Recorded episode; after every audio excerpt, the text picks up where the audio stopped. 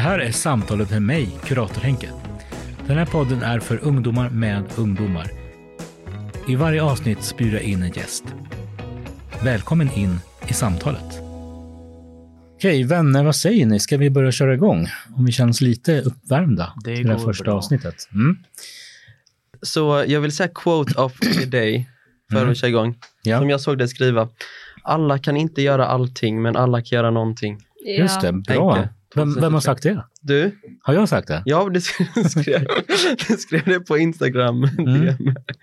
Jo, men jag tycker att det stämmer lite. Alla kan Ja. inte göra allting hela tiden, men alla Mm. kan göra någonting. Alla kan bidra med någonting i sina, i sina liv och, och eh, där man befinner sig på olika Mm. sätt.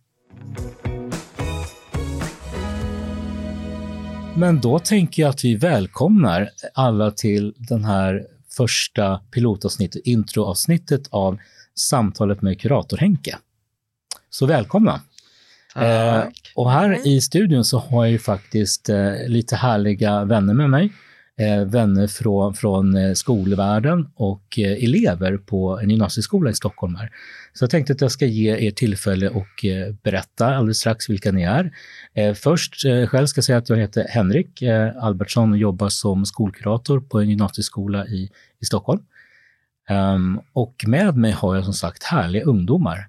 Vi kan börja här borta, ena änden här Yes. i rummet. Eh, vem är du? Så jag heter Tamim. Jag är just nu 19 år, går sista året i gymnasiet på eh, det roliga naturprogrammet. Eh, och eh, jag skulle säga att jag, jag är en livsnjutare. Härligt, mycket Ja. bra. Sen har vi nästa person här som är med oss här. Ja, eh, jag heter Liam och jag är 17 år och snart ska fylla 18 år. Mm. Och eh, jag går i eh, naturprogrammet eh, och snart slutar tvåan och ska snart börja i årskurs tre. Sen har vi en tredje gäst här. Jag heter Alice. Mm. Jag går i SAM. Jag går i första årskursen. Nej, vad säger jag? Ja, första. Eh, och ja, jag har inriktningen beteendevetenskap får tycker det är jäkligt roligt. Alltså. Mm, härligt, härligt. Det är spännande program eh, ni går på på gymnasiet. Och nu vet vi lite om vilka vi har i studion och ni ska nu få, vi har pratat om en uppgift, om att ni ska få ta reda på lite, vem är då denna Henke? Alltså jag som då eh, har den här podden. Då har jag förstått att ni har gjort i ordning lite frågor som handlar om, eh, som ska ta reda på lite vem jag är. Får jag ställa första frågan? Absolut. Ehm, Så då vill jag veta, berätta om dig själv, berätta om uppväxten, eh, alltså verkligen så man vet, vem är du? Och inte bara så att man ser ett ansikte utan man vet bakgrunden. Mm. Vem, oj, det är en stor fråga, men Ja, jag ska se om man kan dela upp den lite så här kortfattat, att vem jag är. Um, som sagt, Henrik heter jag, men eh, oftast kallad för Henke. I skolsammanhang så blir jag kallad Henke där. Och jag är en väldigt, eh, tror jag i alla fall, en levnadsglad person som gillar att, eh, att vara väldigt social framåt. Det är därför jag älskar att vara i skolans värld, att eh, se människor, se ungdomar finnas i, i skolan och ja, men försöka sprida lite god skön stämning. Eh, inte bara stämningen, utan också fånga upp och eh, ska man säga, att finnas där och låta ungdomar känna att wow, här är någon som ser mig. Eh, bakgrunden, eh, för det var lite det frågan var, är att jag kommer inte från, eh, från Stockholm från början, utan jag kommer egentligen från Småland, där jag är uppvuxen. Eh, och sen är jag dock inte född i Sverige, utan kommer från Peru, så jag är adopterad. Det är också en del av min bakgrund. Så kom till Sverige när jag nästan var två år, från Peru. Men kan du inte berätta lite varför flyttade du till Stockholm? Varför är du i Stockholm just nu?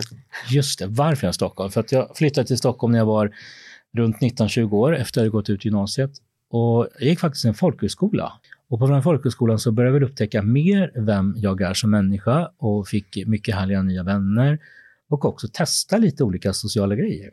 Och den ena sociala grejen vi testade var att göra en form av praktik i Stockholm. Och då kände jag direkt när jag hamnade här uppe att oj, här kanske jag ska bo, här kanske jag ska leva och framförallt att börja jobba med ungdomar.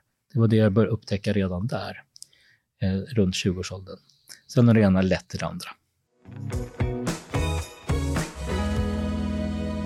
Jag tänker vi ska gå vidare lite. Nu vet vi lite mer om mig. Vi kanske kommer komma i någon fråga om det. Eh, nu ska inte egentligen den här podden överhuvudtaget handla om mig som kurator, utan det kommer handla om det som jag möter i, i mitt eh, arbete.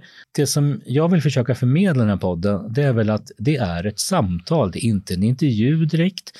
Det är inte faktabeskrivningar. Det är inte bara massor med, med eh, vad ska man säga, storyberättande om en viss person, utan det kommer vara ett samtal där vi samtalar om olika intressanta ämnen som kommer upp i vårt liv och framförallt bland ungdomar. Eh, så det du vill göra i den här podden är att vi ska ha, det ska alltid vara någon sorts ja, ungdomar här tillsammans med dig och någon gäst också som ska prata om ämnen som kan kännas väldigt relevanta för dagens ungdom.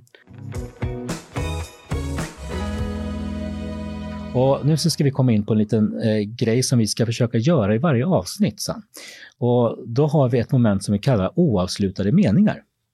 Så vi har, eh, ni har en liten lapp framför er. På den här lappen så står det en oavslutad mening. Så jag tänkte att ni ska få läsa vad det står på lappen och avsluta den med det första ni tänker, kommer att tänka på när ni läser meningen. Jag har faktiskt en väldigt bra början på detta. Så på min lapp står det, hur känns det att börja gymnasiet och hur känns det att sluta gymnasiet? Och då kommer jag säga så här, att börja gymnasiet känns skitjobbigt men väldigt lätta, lättande. På min det.